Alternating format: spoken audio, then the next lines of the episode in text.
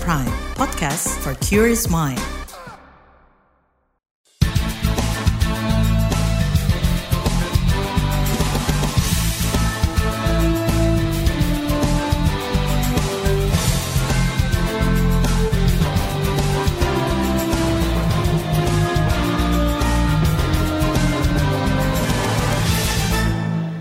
Halo saudara, senang sekali menjumpai Anda kembali melalui program KBR Sore edisi Rabu 3 Januari 2024. Saya Malika kembali menemani Anda selama kurang lebih 30 menit ke depan. Saudara, sore ini kita akan membahas harapan pemilu 2024 ramah pemilih lanjut usia atau lansia. Menjelang hari pemungutan suara pemilu 14 Februari 2024, masyarakat kerap disuguhkan berita atau diskusi membahas pemilih pemula yang masuk kategori Gen Z atau bahkan generasi di atasnya yakni milenial. Akan tetapi jarang sekali dibahas terkait hak-hak dan fasilitas bagi pemilih lansia atau berkategori usia di atas 60 tahun pada pemilu 2024. Padahal berdasarkan data Badan Pusat Statistik BPS tahun 2022, jumlah lansia di Indonesia cukup besar, sekitar 27 juta orang atau 20 persen dari total penduduk. Tahun ini BPS memproyeksi jumlah pemilih lansia mencapai 32 juta orang atau menyumbang 16 persen dari total pemilih. Lalu mampukah penyelenggara pemilu mewujudkan pemilu ramah lansia? Apa saja fasilitas dan kemudahan yang bisa mereka berikan kepada pemilih lansia? Saudara pada Juli tahun lalu Komisi Pemilihan Umum KPU RI menetapkan daftar pemilih tetap DPT Pemilu 2024 sebanyak 204 juta orang lebih.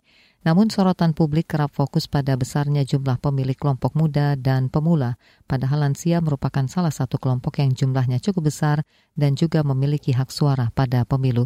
Komisioner KPU RI Betty Epsilon Idrus mengatakan jumlah pemilih dari kelompok generasi pre-boomer atau orang yang lahir sebelum tahun 1944 mencapai 3,5 juta atau 1,7 persen pemilih. Lalu generasi baby boomer atau yang lahir di antara tahun 1946 dan 1964 sebanyak 28 juta pemilih. Betty memastikan KPU sudah menginstruksikan seluruh daerah agar bisa menerapkan pemilu ramah lansia dalam gelaran pemilihan 14 Februari mendatang. Salah satu layanan yang harus diperhatikan adalah pencoblosan tanpa antrian bagi lansia hingga pemberian pendampingan di tempat pemungutan suara atau TPS.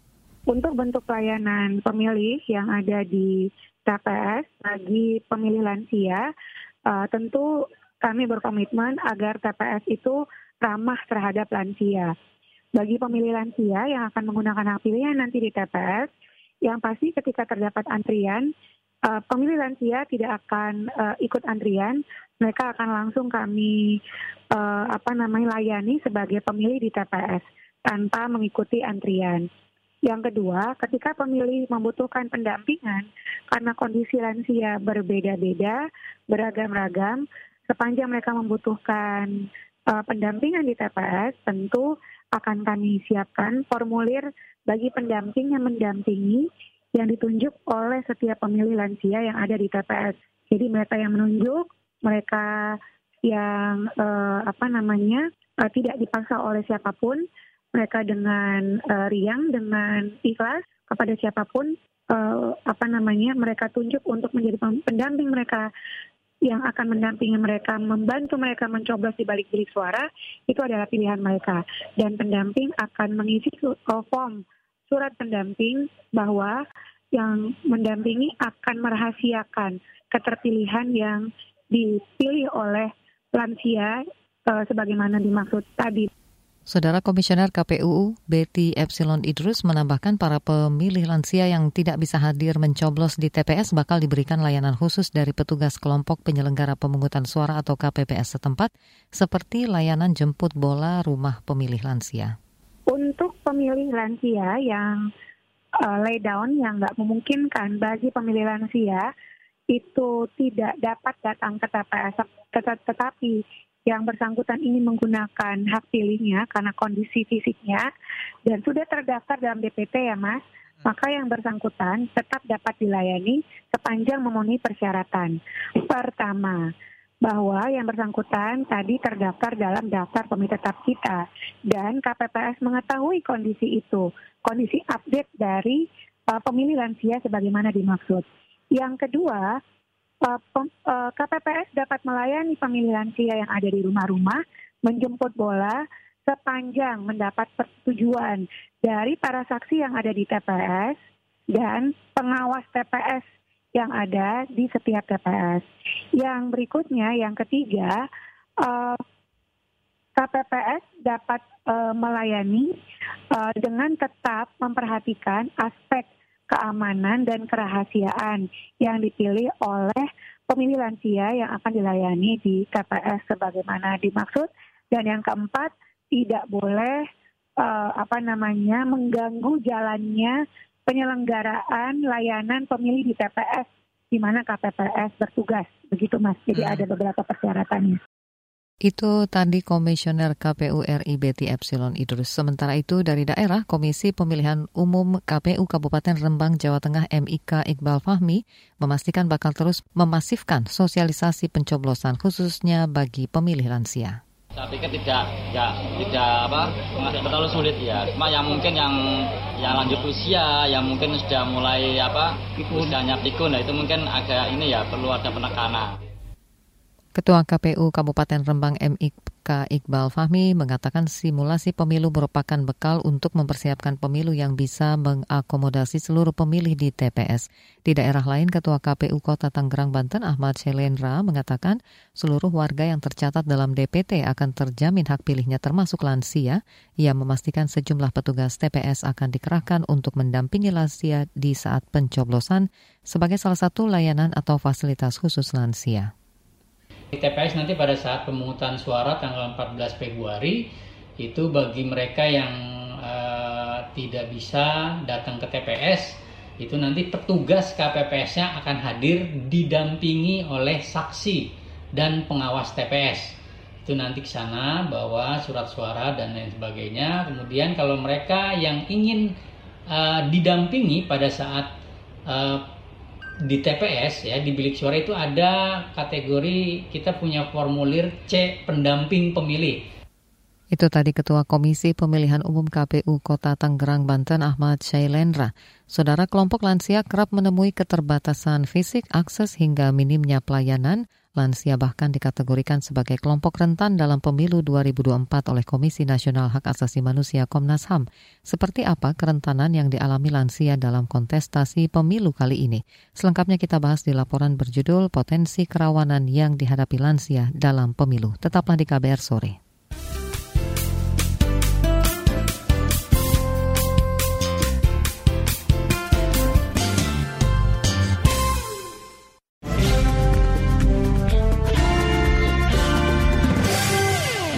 Saudara warga lanjut usia lansia tergolong kelompok rentan yang hak pilihnya berpotensi diabaikan saat pemilu.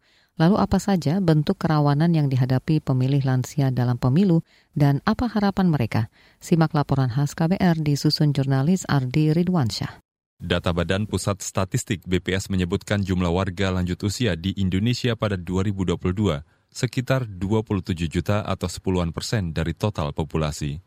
Lansia adalah mereka yang berusia di atas 60 tahun. Dalam konteks pemilu, lansia masuk kelompok rentan yang hak pilihnya berpotensi diabaikan. Badan Pengawas Pemilu Bawaslu bakal mengawasi jalannya pemilu 2024 agar berjalan inklusif termasuk memberi kemudahan akses bagi pemilih lansia. Ketua Bawaslu Pusat Rahmat Bagja mengeklaim telah melakukan beberapa cara guna mengawasi agar hak pilih kelompok rentan termasuk lansia bisa terpenuhi. Upaya itu antara lain dengan meluncurkan posko kawal hak pilih. Sehingga kami harapkan ke depan tidak ada lagi teman-teman kelompok rentan yang tidak mendapatkan akses. Akses terhadap pemilu merupakan sebuah sebuah pelaksanaan dari prinsip pemilu di Indonesia langsung umum bebas dan rahasia dan tentu jujur dan adil. Apa yang dikhawatirkan Bawaslu dialami Tasuro, lansia berusia 65 tahun asal Jakarta Timur. Ia menjelaskan sejumlah masalah yang kerap dihadapi pemilih lanjut usia saat akan menggunakan hak pilihnya. Salah satunya ketika melipat surat suara. Terlebih dalam pemilu tahun ini ada lima pemilihan mulai dari presiden, wakil presiden, anggota DPR, DPD, DPRD provinsi, dan DPRD kabupaten kota. Total ada lima surat suara. Karena itu, Tasuro meminta ada petugas pendamping supaya bisa melewati tahapan pemungutan suara. Nggak bisa ngelipat kertasnya, kebesaran kertasnya, lipatnya bingung. Kalau bisa ada pendamping, biar saya nggak bingung. Emang saya nggak bisa baca, saya bingung memilihnya. Tak hanya di Jakarta, sebagian lansia di Rembang, Jawa Tengah juga menyoroti besarnya surat suara pemilu 2024. Dari lima jenis surat suara, ukuran terbesar adalah DPR RI, provinsi, dan kabupaten yang mencapai 52 kali 82 cm. Misri, seorang warga desa Pamotan Rembang menjelaskan apa yang ia alami saat mengikuti simulasi pencoblosan. Ternyata kesulitan tadi itu. Kenapa Bu? Terlalu lebar? Terlalu lebar, banyak itu. Lebar jadinya kita itu mengelipet itu susah. Jadi ya butuh waktu agak lama ya? Iya, agak lama juga. Komisioner Komnas HAM Anis Hidayah menjelaskan sejumlah potensi kerawanan yang dihadapi pemilih lansia pada pemilu. Kata dia, pemilih lansia menghadapi keterbatasan informasi termasuk soal peserta pemilu, keterbatasan mobilitas karena kondisi fisik yang tak lagi prima, terlebih jika tempat pemungutan suara susah diakses. Lansia e, juga dapat mengalami diskriminasi berganda yang disebabkan kurangnya pendataan bagi lansia yang termarginalkan, termasuk lansia transgender, lansia di daerah terpencil yang mengalami kesulitan akses dan lansia di panti jompo. Kata Anies, catatan itu berdasarkan hasil pemantauan pra pemilu Komnas HAM di lima provinsi, Sumatera Barat, Banten, Jawa Barat, Jawa Timur, dan Kalimantan Barat. Yang paling banyak ditemukan eh, termasuk laporan pemantauan pra pemilu kami di lima provinsi eh, sepanjang 2023 adalah terkait dengan keterbatasan informasi atas proses penyelenggaraan pemilu dan eh, keterbatasan administrasi karena pendataan yang masih kurang menyeluruh. Dan yang ketiga kurangnya pemahaman lansia atas hak haknya. Gitu. Anies menambahkan soal pemilih lansia yang kesulitan melipat surat suara. Menurutnya, itu tergolong karena keterbatasan informasi atas proses penyelenggaraan pemilu. Bahkan, kata Anies, pemilih lansia buta huruf rentan terkena diskriminasi ganda. Diskriminasi ganda terjadi ketika seseorang didiskriminasi atas satu alasan dalam situasi tertentu dan atas dasar yang berbeda dalam konteks lain bagaimana mereka bisa memahami peserta pemilu, bagaimana bisa memahami teknikal-teknikal yang terkait dengan pemilu, itu kan perlu pendekatan yang berbeda. Jadi afirmasi tadi untuk sosialisasi uh, kepada mereka, terutama kan uh, di kertas pemilu itu uh, setidaknya ada gambar ya. Nah, sehingga itu yang uh, perlu dijelaskan gitu ya, sehingga potensi diskriminasi berganda itu bisa diminimalisasi gitu atau bisa diantisipasi oleh penyelenggara pemilu. Sebelumnya, Komisi Bidang Pemilu DPR meminta Komisi Pemilihan Umum KPU memerhatikan hak 17 kelompok rentan termasuk lansia di pemilu 2024. Anggota Komisi Pemilu DPR Mardani Alisera mengatakan seluruh masyarakat Indonesia memiliki hak dan kewajiban yang sama pada pemilu. Warga negara dilindungi konstitusi haknya untuk ikut pemilu. Karena itu KPU perlu benar-benar memperhatikan 17 kelompok rentan ini tentu dengan asas uh, keterbukaan, transparansi, dan akuntabilitas. Anggota Komisi Pemilu DPR Mardani Alisera mendorong KPU untuk meningkatkan pengawasan terhadap 17 kelompok rentan yang tersebar di berbagai wilayah. Demikian laporan khas KBR saya, Sindu Darmawan. Itu tadi laporan khas KBR mengenai potensi kerawanan yang dihadapi lansia dalam pemilu. Kita kembali ke topik utama, saudara kelompok lansia turut mendapat perhatian yang cukup besar dari para pasangan calon presiden dan calon wakil presiden dalam gelaran pemilu kali ini Sederet program dari para paslon telah disiapkan untuk menyejahterakan para lansia jika kelak menang dalam pemilu mendatang. Apa saja program andalan mereka dan bagaimana dorongan untuk mewujudkan pemilu ramah lansia? Selengkapnya sesaat lagi di KBR sore.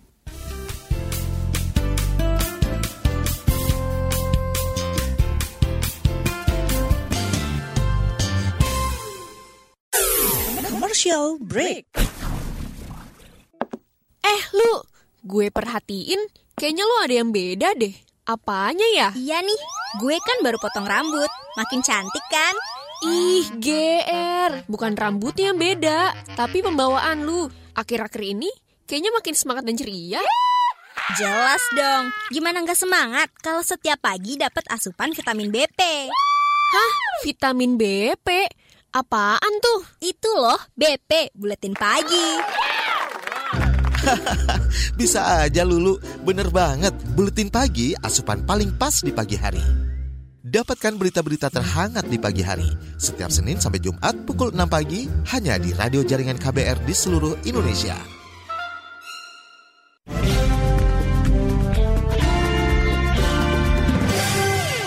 Kita lanjutkan kembali KBR sore. Saudara pasangan calon presiden dan wakil presiden nomor urut 1 Anies Baswedan Mohaimin Iskandar menekankan komitmen Amin terhadap pemenuhan hak-hak serta kesejahteraan lansia. Juru bicara Timnas Anies Mohaimin atau Amin Lulu Nur Hamidah mengatakan pasangan Amin bakal membuat kebijakan yang berpihak kepada lansia jika terpilih sebagai presiden dan wakil presiden nanti. Kami sebenarnya sempat berpikir penting seandainya misalnya uh, kita memiliki uh, undang-undang yang terkait dengan lansia sehingga uh, kesejahteraannya lansia, kemudian juga kesehatan dan berbagai isu yang menjadi kebutuhan bagi lansia ini benar-benar bisa dipenuhi oleh negara. Jadi lansia sebagai warga negara harus dilindungi baik itu uh, haknya untuk tetap bisa produktif, kemudian juga masih bisa berkontribusi secara baik uh, di uh, tengah masyarakat, kemudian juga termasuk kesejahteraan uh, fisik non fisik ya. Juru bicara Timnas Amin Lulu Nur Hamidah juga mendorong pelaksanaan pemilu yang ramah lansia. Ia menekankan pentingnya akses kemudahan bagi para lansia untuk mendapatkan informasi hingga melakukan pencoblosan pada hari H pemilu nanti. Jangan sampai karena faktor kekhususan yang dimiliki oleh mereka lalu kemudian ada uh, politik yang uh, kemudian terabaikan dan dan tercerabut. Nah, pun demikian juga dengan lansia. Saya kira 27 juta atau katakanlah sebenarnya 10,83 persen. Itu angka yang sangat besar dan harus dipastikan uh, ada uh, perhatian yang ekstra ya yang uh, dilakukan oleh penyelenggara pemilu dan ya kita semua. Yang pertama adalah jangan sampai ada yang kelewatan. Harus kita cek apakah para lansia ini sepanjang mereka adalah warga negara kita, mereka juga punya surat panggilan, kemudian sudah terdata dan mereka sudah masuk di dalam DPT. Yang kedua adalah soal uh, hak untuk hak to know ya, jadi hak untuk tahu, uh, hak untuk mendapatkan informasi yang terkait dengan uh, penyelenggaraan pemilu nanti, mulai dari tanggalnya, di mana tempat TPS-nya, itu tadi juru bicara Timnas Anies Mohaimin Lulu Nur Hamidah. Sementara itu calon wakil presiden nomor urut 2 Gibran Raka Buming Raka menyampaikan sejumlah visi misi yang akan diusungnya pada Pilpres 2024. Salah satunya mengenai komitmennya terhadap lansia. Dia mengatakan ingin melanjutkan program yang sudah ada pada pemerintahan Jokowi. Ia juga akan menambahkan Kartu Indonesia Sehat KIS untuk lansia. Sekarang sudah ada KIS, ada Kartu Indonesia Pintar, ada PKH, nanti saya tambahkan lagi KIS Lansia. Itu tadi cawapres nomor urut 2 Gibran Raka Buming Raka. Di lain pihak paslon nomor urut 3 Ganjar Pranowo Mahfud MD menyatakan komitmennya untuk memenuhi hak perempuan, difabel, lansia, dan kelompok rentan lainnya. Deputi Inklusi di Tim Pemenangan Nasional TPN Ganjar Mahfud Jaleswari Pramowardani menyebut lansia dan kelompok rentan lainnya mestinya didengarkan tak hanya saat pemilu saja. Ia menjelaskan bahwa Ganjar Mahfud mendirikan deputi inklusi di TPN untuk mendengarkan kelompok rentan tersebut. Uh, kita nggak sekedar soal dip, uh, deputi uh, pemberdayaan perempuan atau perempuan saja, tetapi uh, kita melihat bahwa bagaimana ritual lima tahunan ini dimaknai bukan sekedar uh, suara perempuan saja, tetapi kelompok-kelompok marginal, kelompok-kelompok rentan itu juga disapa. Deputi Inklusi TPN Ganjar Mahfud Jaleswari Pramoda Wardani menambahkan Ganjar Mahfud memiliki moto No One Left Behind untuk memastikan seluruh masyarakat termasuk kelompok rentan didengarkan suaranya bukan hanya perempuan muda aja, bukan perempuan dewasa aja, hmm. tapi juga lansia. lansia. Itu juga uh, perlu disapa, hmm. anak. Terus kemudian ya itu penyandang disabilitas, terus kemudian ya masyarakat adat. Dan itu uh, sebetulnya eh, kelompok-kelompok uh, inilah yang itu tadi selalu uh, dijadikan tuh mendulang suara. Iya, iya, lima, tahun, tahun disa hanya disapa, tapi uh, kita kurang memberikan perhatian lebih. Deputi Inklusi TPN Ganjar Mahfud Jaleswari Pramoda Wardani. Saudara pemilih lansia dikategorikan sebagai kelompok rentan dalam pemilu 2024 karena itu ada sejumlah hal yang perlu diperhatikan penyelenggara pemilu untuk mengakomodasi kebutuhan pemilih lansia. Seperti apa masukan dan harapan dari kalangan organisasi yang menaungi para lansia untuk pemilu yang ramah lansia? Selengkapnya sesaat lagi di KBR sore.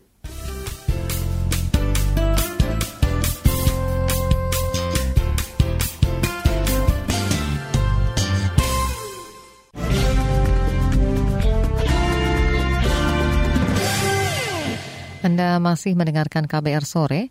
Saudara Perhimpunan Indonesia Ramah Lansia meminta pihak penyelenggara pemilu menyediakan fasilitas penunjang yang memudahkan lansia, khususnya untuk mewujudkan pemilu ramah lansia.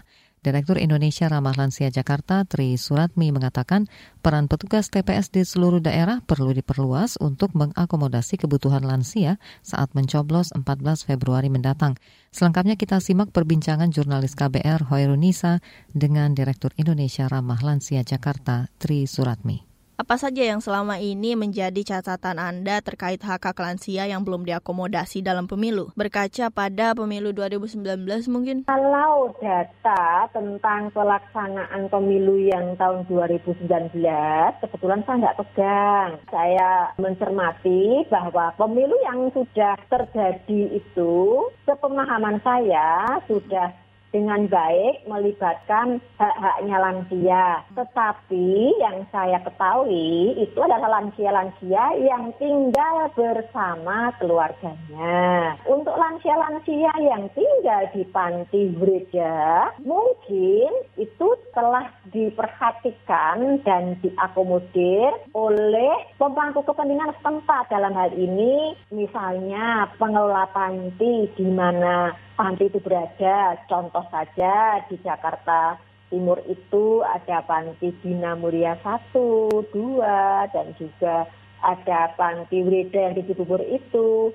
Kalau pemahaman saya sudah diakomodir Mbak, hak-hak lansia untuk menggunakan suaranya dalam pemilu yang 2019. Baik, bagaimana agar para lansia bisa dipermudah langkahnya dalam memilih di pemilu nanti? Lansia itu adalah orang yang telah memiliki ketergantungan atau kehilangan kemandiriannya. Nah, ada empat tingkatan, Mbak. Ada yang kehilangan kemandiriannya itu dalam ringan, sedang, berat, dan total. Untuk yang lansia dengan ketergantungan sedang ini, mutlak perlu pendamping atau caregiver untuk menuju uh, bilik pemilihan. Jadi yang namanya TPS ramah lansia itu mutlak dibutuhkan, Mbak. Nah, untuk yang ketergantungannya itu sudah berat, itu berarti harus dibantu dia bisa menggunakan hak pilihnya di rumah, Mbak, atau di tempat dia dirawat. Demikian juga dengan yang sudah ketergantungannya total. Mereka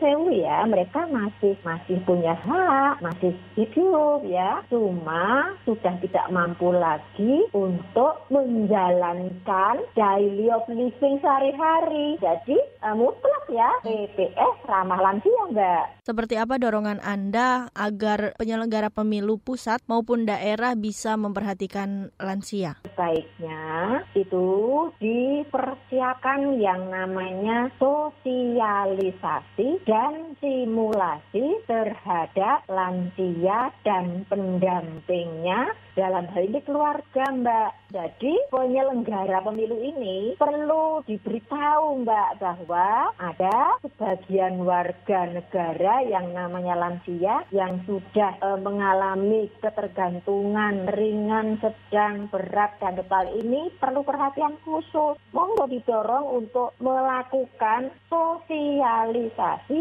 dan simulasi untuk saat pencoblosan di hari kasih sayang itu loh Mbak. Nah, harinya aja hari kasih sayang loh Mbak. Makanya harus diterapkan itu Mbak. Pemilu dengan TPS yang ramah lansia, mengakomodir kebutuhan mereka bagi penyelenggara pemilu harus diingatkan kembali. Apa harapannya Bu khususnya bagi para lansia dengan segala keterbatasannya dalam pemilu agar hak mencoblosnya tetap diberikan? Lansia itu sesuai dengan undang-undang yeah. bahwa lansia mempunyai hak yang sama dengan warga negara lainnya, otomatis juga dalam hal ini hak bersuara untuk menentukan pemimpin kita lima tahun ke depan. Jadi bagi lansia silahkan menggunakan haknya. Bagi penyelenggara pemilu silahkan mengakomodir hak-hak lansia ini dengan berbagai metode yang dapat menghormati uh, martabat lansia. Saudara itu tadi perbincangan jurnalis KBR Hoirunisa dengan Direktur Indonesia Ramah Lansia Jakarta Tri Suratmi. Informasi tadi menutup jumpa kita di KBR Sore edisi Rabu 3 Januari 2024. Pantau selalu informasi terbaru melalui situs kbr.id, Twitter kami di akun @beritaKBR serta podcast di alamat kbrprime.id. Saya Malika bersama tim yang bertugas undur diri. Salam.